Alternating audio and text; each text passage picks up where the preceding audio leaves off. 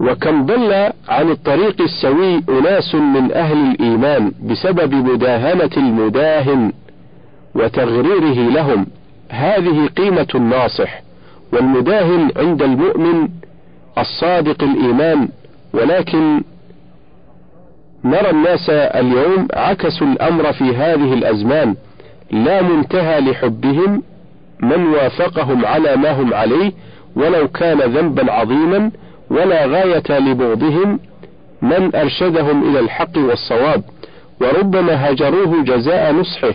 وأما المداهن والمتملق المنافق ذو الوجهين فبكلمة من مداهناته أو وشاياته أو تملقاته أو كذباته يملك قلوب الكثير من أهل هذا الزمان.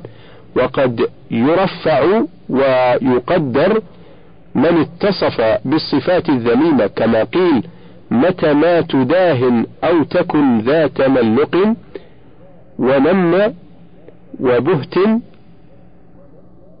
ونم وبهت تختطبك المراتب متى ما تداهن أو تكن ذا تملق ونم وبهت تختطبك المراتب وإن تجمع الإخلاص والصدق والوفاء وعلما وحلما تجتنبك المناصب وقال آخر لا تنكري يا عز إن ذل الفتى ذو الأصل واستولى لئيم المحتدي.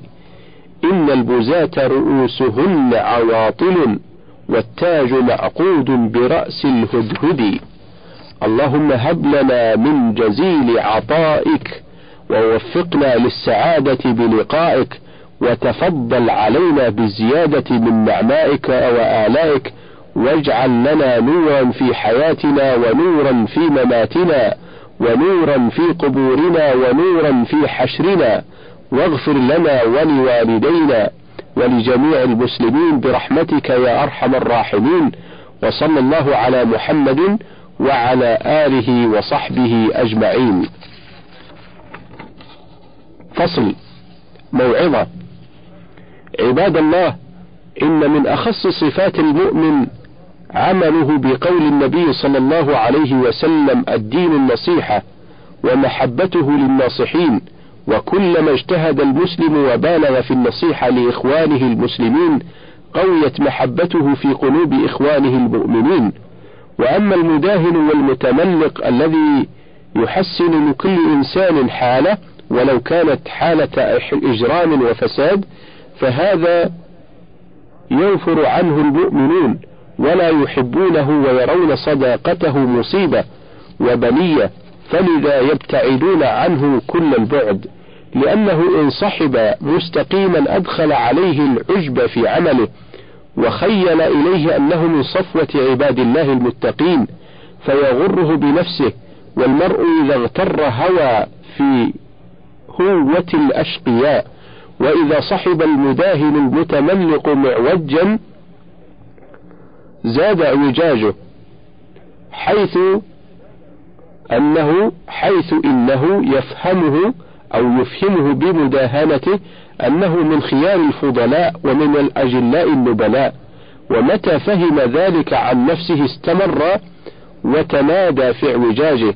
وقويت وتمكنت منه الأخلاق الفاسدة ومات وهو على تلك الحال الشنيعة وأما المؤمن الناصح المحب لأخيه ما يحب لنفسه فيفهم المهذب المتنور أنه مهما كان كماله أنه مقصر في شكر مولاه الذي جعله من بني آدم ولم يجعله من سائر الحيوانات ووفقه للإيمان وتفضل عليه بالحواس الخمس وغيرها ووهبه العقل وسائر النعم التي لا تعد ولا تحصى.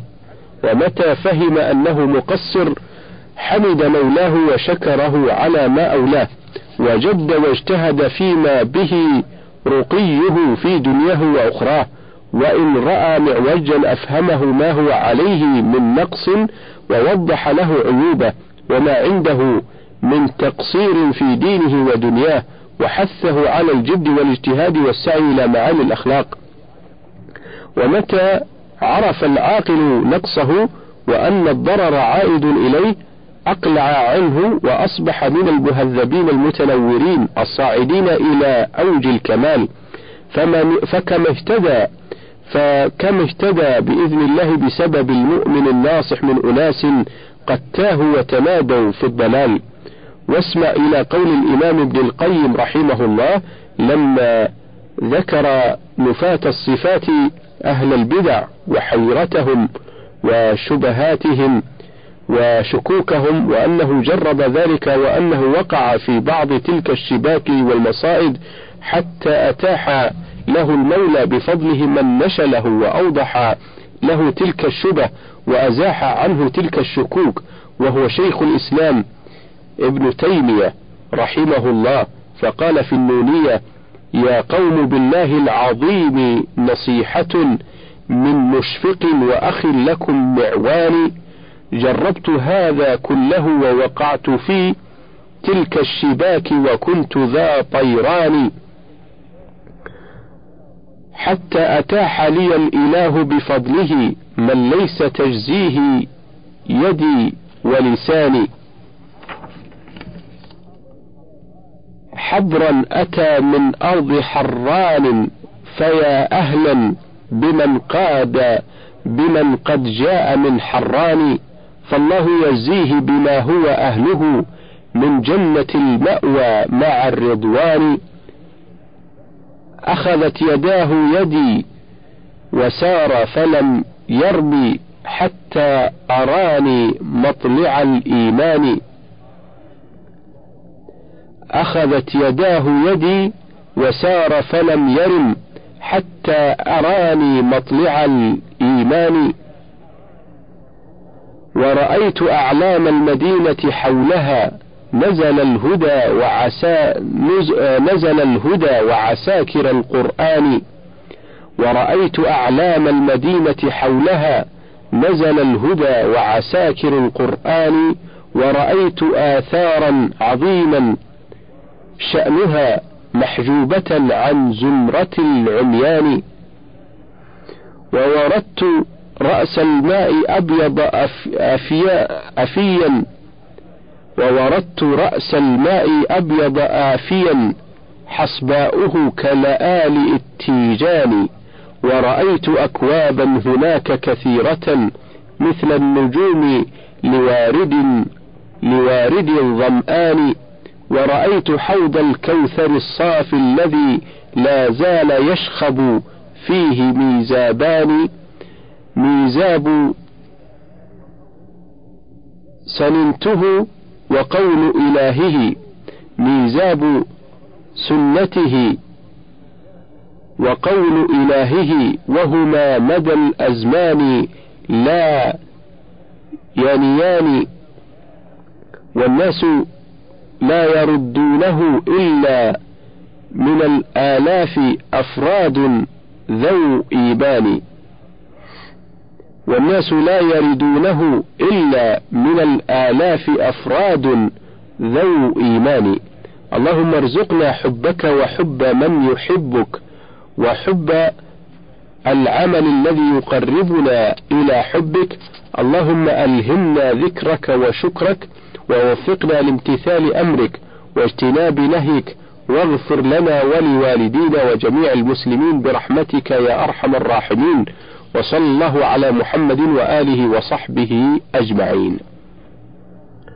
فصل في ذكر نماذج من صبر النبي صلى الله عليه وسلم على الشدائد والأذى في الدعوة إلى الله. ومن تحمله صلى الله عليه وسلم للشدائد والأذى في الدعوة إلى الله ما ورد عن أنس رضي الله عنه. قال قال رسول الله صلى الله عليه وسلم لقد أوذيت في الله وما يؤذى أحد وأخفت في الله وما يخاف وما يخاف أحد. ولقد أتت علي ثلاثون من بين يوم وليلة ومالي ولبلال ما يأكله ذو كبد إلا ما يواري إبط بلال خرجه أحمد.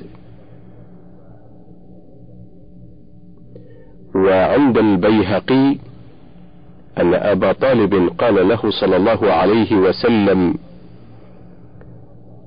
يا ابن أخي إن قومك قد جاءوني وقالوا كذا وكذا. فابق علي وعلى نفسك ولا تحملني من الأمر ما لا أطيق أنا ولا أنت. فاكفف عن قومك ما يكرهون. من قولك فظن رسول الله صلى الله عليه وسلم أن قد بدا لعمه فيه وأنه خاذله ومسلمه ومسلمه وضعف عن القيام معه. فقال رسول الله صلى الله عليه وسلم يا عم لو وضعت الشمس في يميني والقمر في يساري ما تركت هذا الأمر حتى يظهره الله أو أهلك في طلبه. ثم استعبر رسول الله صلى الله عليه وسلم فبكى. فلما ولى قال له حين رأى ما بلغ الأمر برسول الله صلى الله عليه وسلم يا ابن أخي فأقبل عليه فقال امضي لأمرك وافعل ما أحببت فوالله لا أسلمك لشيء أبدا. وأخرج البيهقي وأخرج البيهقي عن عبد الله بن جعفر قال لما مات أبو طالب عرض لرسول الله صلى الله عليه وسلم سفيه من سفهاء قريش فألقى عليه ترابا فرجع إلى بيته فأتته امرأة من بناته تمسح عن وجهه التراب وتبكي فجعل يقول أي بني لا تبكين فإن الله مانع أباك. ويقول ما بين ذلك ما نالت قريش شيئا أكرهه حتى مات أبو طالب ثم شرعوا. وأخرج أبو نعيم أو أبو نعيم في الحلية عن أبي هريرة قال لما مات أبو طالب تجهموا بالنبي صلى الله عليه وسلم فقال يا عم ما أسرع ما وجدت فقدك. وأخرج الطبراني وأخرج الطبراني عن الحارث بن الحارث. قلت لأبي ما هذه الجماعة؟ قال هؤلاء قوم اجتمعوا على صابئ لهم فنزلنا فإذا رسول الله صلى الله عليه وسلم يدعو الناس إلى توحيد الله عز وجل والإيمان به وهم يردون عليه ويؤذونه حتى إذا انتصف النهار وانصدع الناس عنه أقبلت امرأة قد بدا نحرها تحمل قدحا ومنديلا فتناوله منها فشرب فتناوله منها فشرب وتوضأ ثم رفع رأسه فقال يا بني خمري عليك نحرك ولا تخافين على أبيك قلنا من هذه قالوا قلنا من هذه؟ قالوا هذه زينب بنته رضي الله عنها. قال الهيثمي رجاله ثقات. وأخرج وأخرج البخاري عن عروة بن الزبير عن عبد الله بن عمرو رضي الله عنه. قال قلت له ما أكثر ما رأيت قريشا أصابت من رسول الله صلى الله عليه وسلم فيما كانت تظهر من عداوته قال حضرتهم وقد اجتمع أشرافهم في الحجر. فقالوا ما رأينا مثل ما صبرنا عليه من هذا الرجل قط. سفه أحلامنا وشتم آباءنا وعاب ديننا وفرق جماعاتنا وسب آلهتنا. لقد صبرنا منه على أمر عظيم أو كما قالوا. قال فبينما هم في ذلك اطلع أو إذ طلع عليهم رسول الله صلى الله عليه وسلم فأقبل يمشي حتى استقبل الركن ثم مر بهم طائفا بالبيت فلما مر بهم غمزوه أي أشاروا إليه ببعض ببعض ما يقول. قال فعرفت ذلك في وجهه. ثم مضى فلما مر بهم الثانية بمثلها فعرفت ذلك في وجهه ثم مضى فلما مر بهم الثالثة فغمزوه بمثلها فقال أتسمعون يا معشر قريش؟ أنا والذي نفس محمد بيده لقد جئتكم بالذبح فأخذ فأخذت القوم كلمته.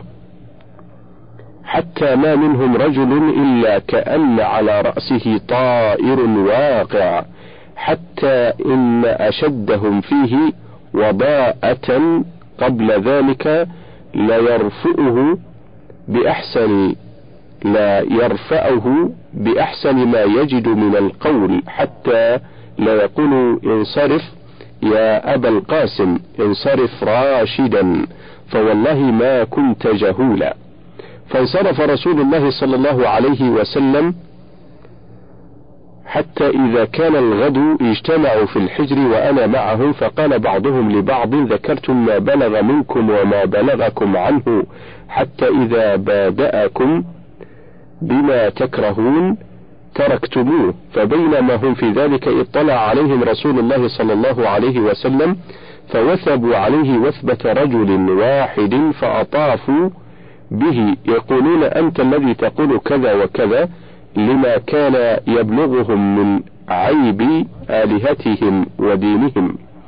قال فيقول رسول الله صلى الله عليه وسلم نعم أنا الذي أقول ذلك. قال فلقد رأيت رجلا منهم أخذ بمجمع أو بمجمع ردائه وقام أبو بكر رضي الله عنه دونه يقول وهو يبكي أتقتلون رجلا أن يقول ربي الله؟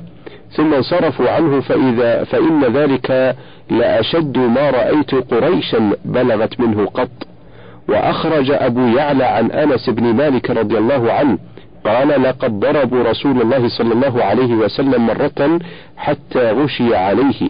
فقام أبو بكر رضي الله عنه فجعل ينادي ويلكم أتقتلون رجلا أن يقول ربي الله؟ فقالوا من هذا؟ فقالوا أبو بكر المجنون. وفي الحديث الذي أخرجه أبو يعلى عن أسماء بنت أبي بكر رضي الله عنه أن المشركين لهوا بأبي بكر عن رسول الله صلى الله عليه وسلم وأقبلوا عليه قالت فرجع إلينا أبو بكر فجعل لا يمس شيئا من غدائره أي جدائله إلا جاء معه وهو يقول تباركت يا ذا الجلال والإكرام. وأخرج البزار في مسنده عن محمد بن عقيل عن علي رضي الله عنه أنه خطبهم فقال يا أيها الناس من أشجع الناس؟ فقالوا أنت يا أمير المؤمنين. فقال أما أنا ما, بار ما بارزني أحد إلا انتصفت منه. ولكن هو أبو بكر رضي الله عنه إنا جعلنا لرسول الله صلى الله عليه وسلم عريشا فقلنا من يكون مع رسول الله صلى الله عليه وسلم لئلا يهوي إليه أحد من المشركين فوالله ما دنا منا أحد إلا أبو بكر رضي الله عنه شاهرا بالسيف على رأس رسول الله صلى الله عليه وسلم لا, لا يهوي إليه أحد إلا أهوى إليه فهذا أشجع الناس قال ولقد رأيت رسول الله صلى الله عليه وسلم وأخذته قريش فهذا يحاده وهذا يتلتله ويقولون أنت جعلت الآلهة إلها واحدا فوالله ما دنا منا أحد إلا أبو بكر يضرب هذا ويجاهد هذا ويتلتل هذا وهو يقول ويلكم ويلكم أتقتلون رجلا يقول ربي الله؟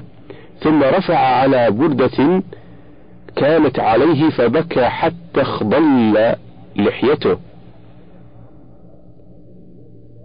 ثم قال أنشدكم الله أمؤمن أمؤمن آل فرعون خير أم هو؟ فسكت فسكت القوم فقال علي رضي الله عنه فوالله لساعة من أبي بكر خير من ملء الأرض من, من مؤمن آل فرعون.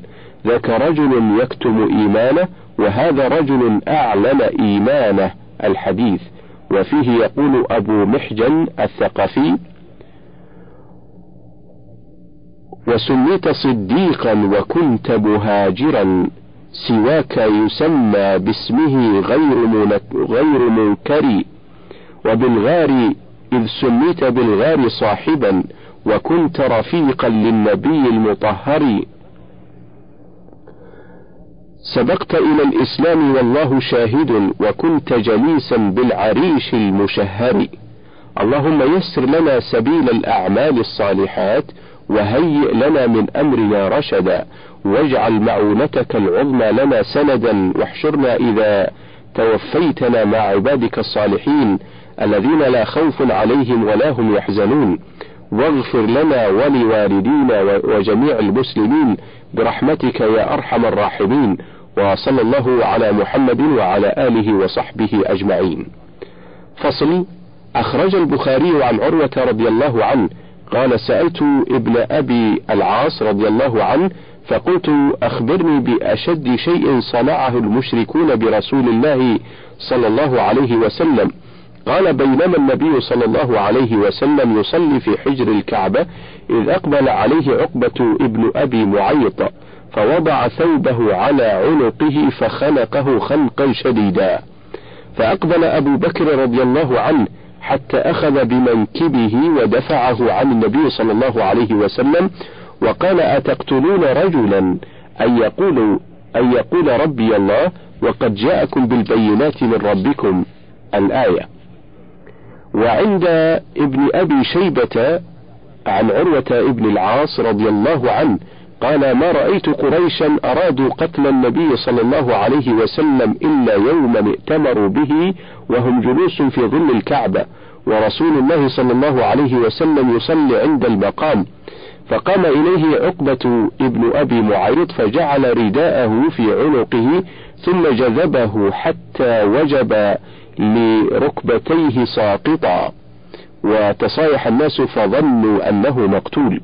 فأقبل أبو بكر رضي الله عنه يشتد حتى أخذ بضبعي رسول الله صلى الله عليه وسلم من ورائه وهو يقول أتقتلون رجلا أن يقول ربي الله الحديث؟ وأخرج البزار والطبراني عن عبد الله بن مسعود رضي الله عنه قال بينما رسول الله صلى الله عليه وسلم في المسجد وأبو جهل وشيبة وعتبة أبناء ربيعة وعقبة ابن أبي معيط وأمية ابن أبي ابن خلف ورجلان آخران كانوا سبعة وهم في الحجر ورسول الله صلى الله عليه وسلم يصلي فلما سجد أطال السجود فقال أبو جهل أيكم يأتي أيكم يأتي جزور بني فلان فيأتينا بفرثها فنكفأه على محمد صلى الله عليه وسلم. فانطلق أشقاهم عقبة ابن أبي معيط فأتى به فألقاه على كتفيه صلى الله عليه وسلم وهو ساجد. قال ابن مسعود وأنا قائم لا أستطيع أن أتكلم ليس عندي منعة تمنعني. إذ سمعت فاطمة بنت رسول الله صلى الله عليه إذ سمعت فاطمة بنت رسول الله صلى الله عليه وسلم فأقبلت حتى ألقت ذلك عن عاتقه.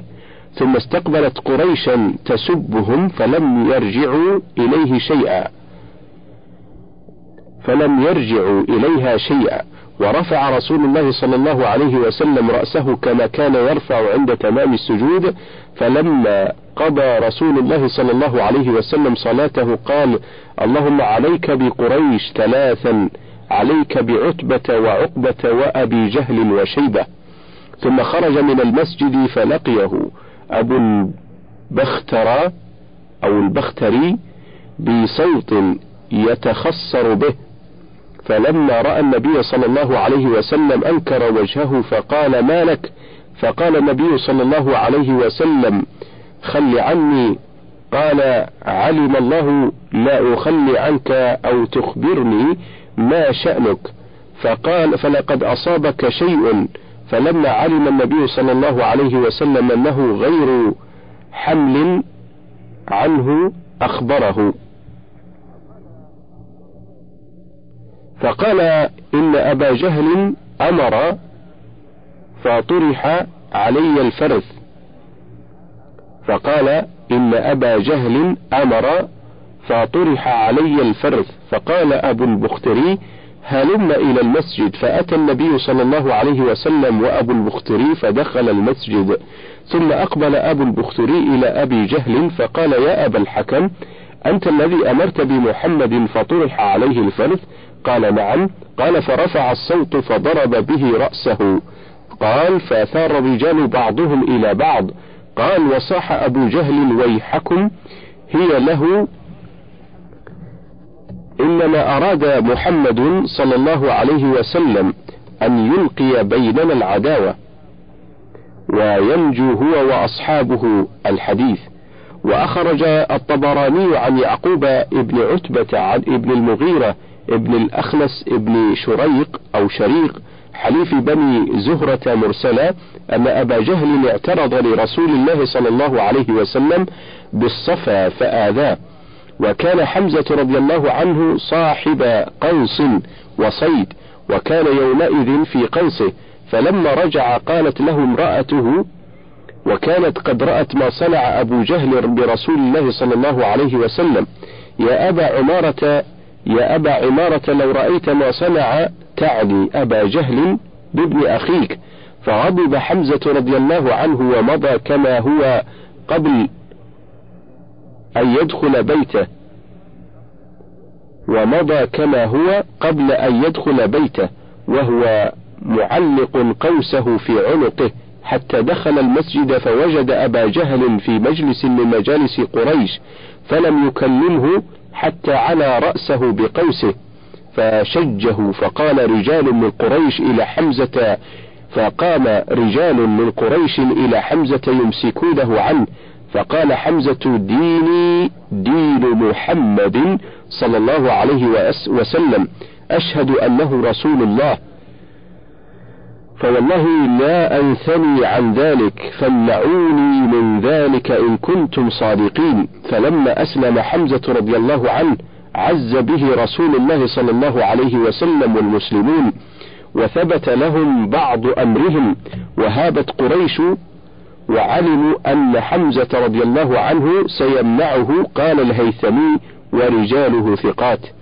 وأخرج أبو نعيم في دلائل النبوة عن عروة بن الزبير رضي الله عنه رضي الله عنهما قال ومات أبو طالب وازداد من البلاء على رسول الله صلى الله عليه وسلم بشدة فعمد إلى ثقيف يرجو أن يؤوه وينصروه فوجد ثلاثة نفر منهم سادة ثقيف.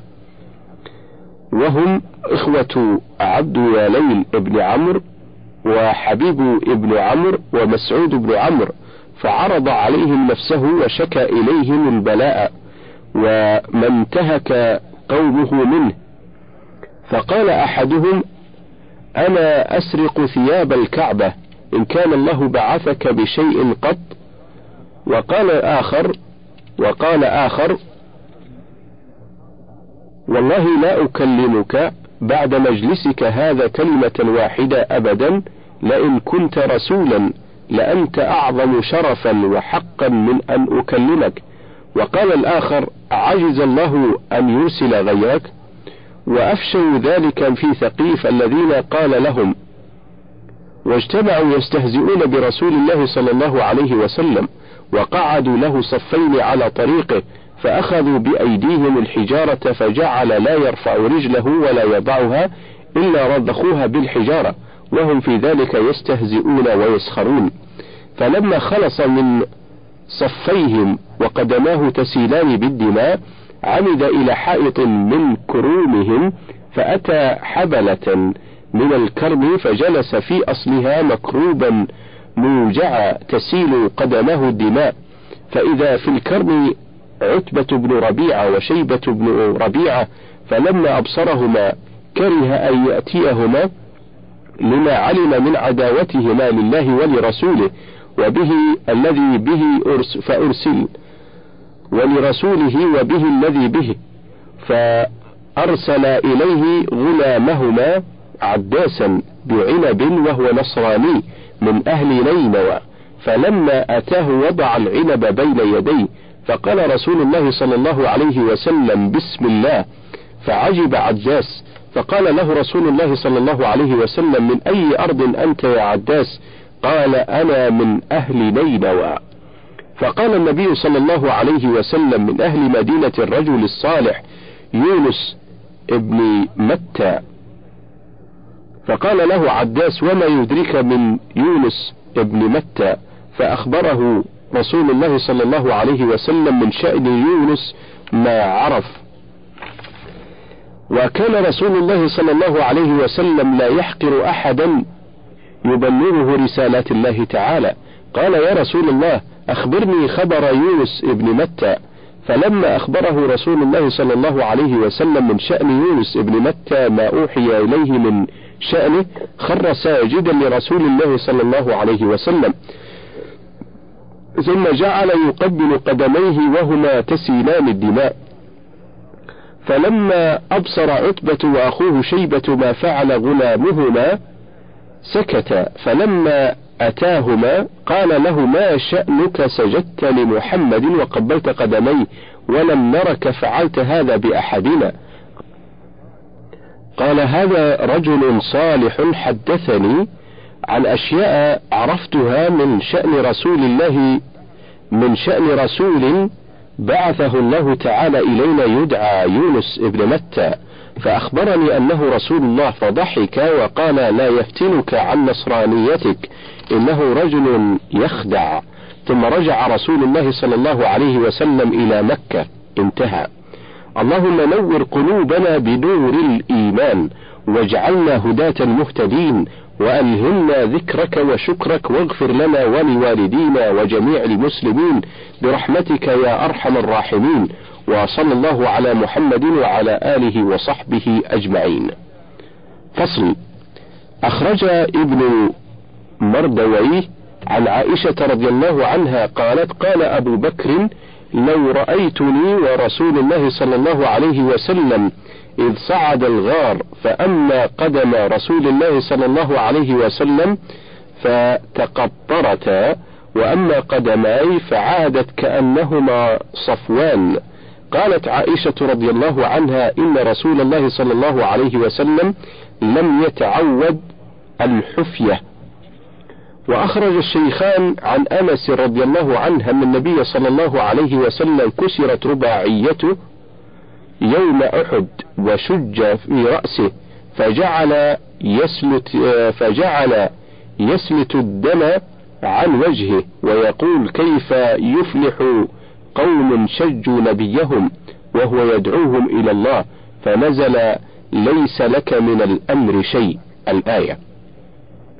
وعند الطبراني في الكبير عن أبي سعيد رضي الله عنه قال أصيب وجه النبي صلى الله عليه وسلم يوم أحد فاستقبله مالك بن سنان فمص جرحه ثم أزدرده أي ابتلعه قال صلى الله عليه وسلم من أحب أن ينظر إلى من خالط دمه دمي فلينظر إلى مالك بن سنان. وأخرج الطيالسي عن عائشة رضي الله عنها قالت كان أبو بكر رضي الله عنه إذا ذكر يوم إذا ذكر يوم أحد قال ذاك يوم كله لطلحة ثم أنشأ يحدث قال كنت أول من فاء يوم أحد فرأيت رجلا يقاتل في سبيل الله دونه وأراه قال حمية. قال فقلت كن طلحة حيث فاتني ما فاتني.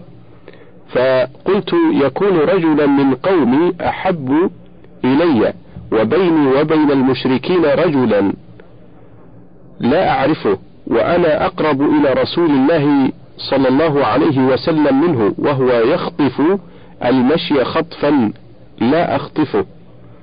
فإذا هو أبو عبيدة ابن الجراح رضي الله عنه فانتهينا إلى رسول الله صلى الله عليه وسلم وقد كسرت رباعيته وشج في وجهه وقد دخل في وجنته حلقة أو حلقتا من حلق المغفر.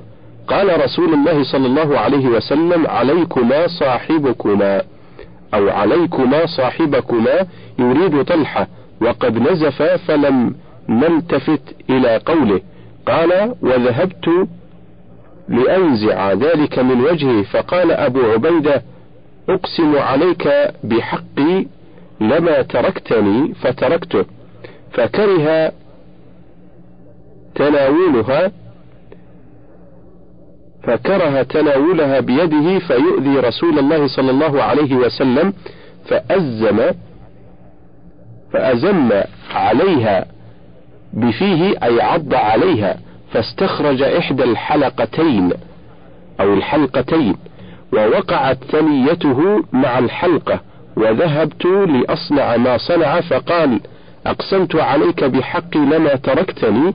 قال ففعل مثل ما فعل في المرة الأولى فوقعت ثنيته الأخرى مع الحلقة. فكان أبو عبيدة رضي الله عنه من أحسن الناس هتما فأصلحنا من شأن رسول الله صلى الله عليه وسلم. ثم أتينا طلحة في بعض الجفار فإذا به بضع وسبعون طعنة ورمية وضربة. وإذ وإذا قد قطعت إصبعه فأصلحنا من شأنه. اللهم ثبت محبتك في قلوبنا وقوها وارزقنا محبة أوليائك. وأصفيائك واجمعنا وإياهم في دار كرامتك يا أكرم الأكرمين وأرحم الراحمين وصلى الله على محمد وعلى آله وصحبه أجمعين. موعظة عباد الله إن الله اختار نبيه محمد صلى الله عليه وسلم وخصه بمزايا لم تكن لأحد من العالمين واختار له أصحابا خيرة الناس من خلقه وخصهم بمزايا لم تكن لسواهم من الناس أجمعين حاشا الأنبياء والمرسلين وأثنى عليهم سبحانه في غير موضع من القرآن الكريم تنبيها على جلالة قدرهم وعلو منزلتهم وعظم فضلهم وشرفهم. قال تعالى والسابقون الأولون من المهاجرين والأنصار والذين اتبعوهم بإحسان رضي الله عنهم ورضوا عنه. وقال تعالى يصفهم بشدة الرحمة ولين الجانب لبعضهم بعضا وشدتهم على الكفار المعاندين. محمد رسول الله والذين معه أشداء على الكفار رحماء بينهم. تراهم سجد آه، تراهم ركعا سجدا يبتغون فضلا من الله ورضوانا. سيماهم في وجوههم من أثر السجود.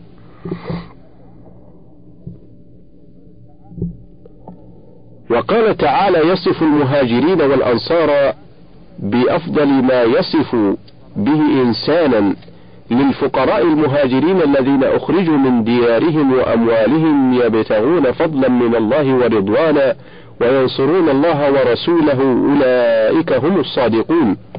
والذين تبوأوا الدار والإيمان من قبلهم يحبون من هاجر إليهم ولا يجدون في صدورهم حاجة مما أوتوا ويؤثرون على أنفسهم ولو كان بهم خصاصة. ومن يوق شح نفسه فأولئك هم المفلحون. وقال صلى الله عليه وسلم خير القرون قرني ثم الذين يلونهم. ولقد كان الصحابة أصبر الناس بعد الرسل على الأذى في الله. فلقد أخرجوا فلقد أخرجوا من ديارهم بغير حق إلا أن يقولوا ربنا الله. وصب عليهم الأذى من كل صوب. فلم يزدهم ذلك إلا إيمانا. قال تعالى الذين قال لهم الناس إن الناس قد جمعوا لكم فاخشوهم فزادهم إيمانا. وقالوا حسبنا الله ونعم الوكيل فانقلبوا بنعمة من الله وفضل لم يمسسهم سوء. الآية وإذا كان الصحابة رضي الله عنهم أرفع الناس بعد النبيين والمرسلين درجة وأعلاهم مكانا بشهادة الله ورسوله فلا عجب أن يعلن المصطفى صلى الله عليه وسلم بفضلهم ويحذر من, من سبهم ومقتهم ويقول فيما روى الترمذي الله الله في أصحابي لا تتخذوهم غرضا بعدي فمن أحبهم فبحبي أحبهم. فمن أحبهم فبحبي أحبهم ومن أبغضهم فببغضي أبغضهم ومن آذاهم فقد آذاني ومن آذاني فقد آذى الله يوشك أن يأخذه. ويقول صلى الله عليه وسلم لا تسبوا أصحابي فوالذي نفسي بيده لو أن أحدكم أنفق مثل أحد ذهبا ما بلغ مد أحدهم ولا نصيفه. فأصحاب النبي صلى الله عليه وسلم لا يشك عاقل أنهم هم الذين حازوا قصبات السبق واستولوا على معالي الأمور من الفضل والمعروف والصدق والعفة والكرم والإحسان والقناعة وعلو الهمة والنزاهة والشجاعة والتقى والتواضع ونحو ذلك. فالسعيد من اتبع طريقهم واقتفى منهجهم القويم والشقي من عدل عن طريقهم ولم يتحقق بتحقيقهم.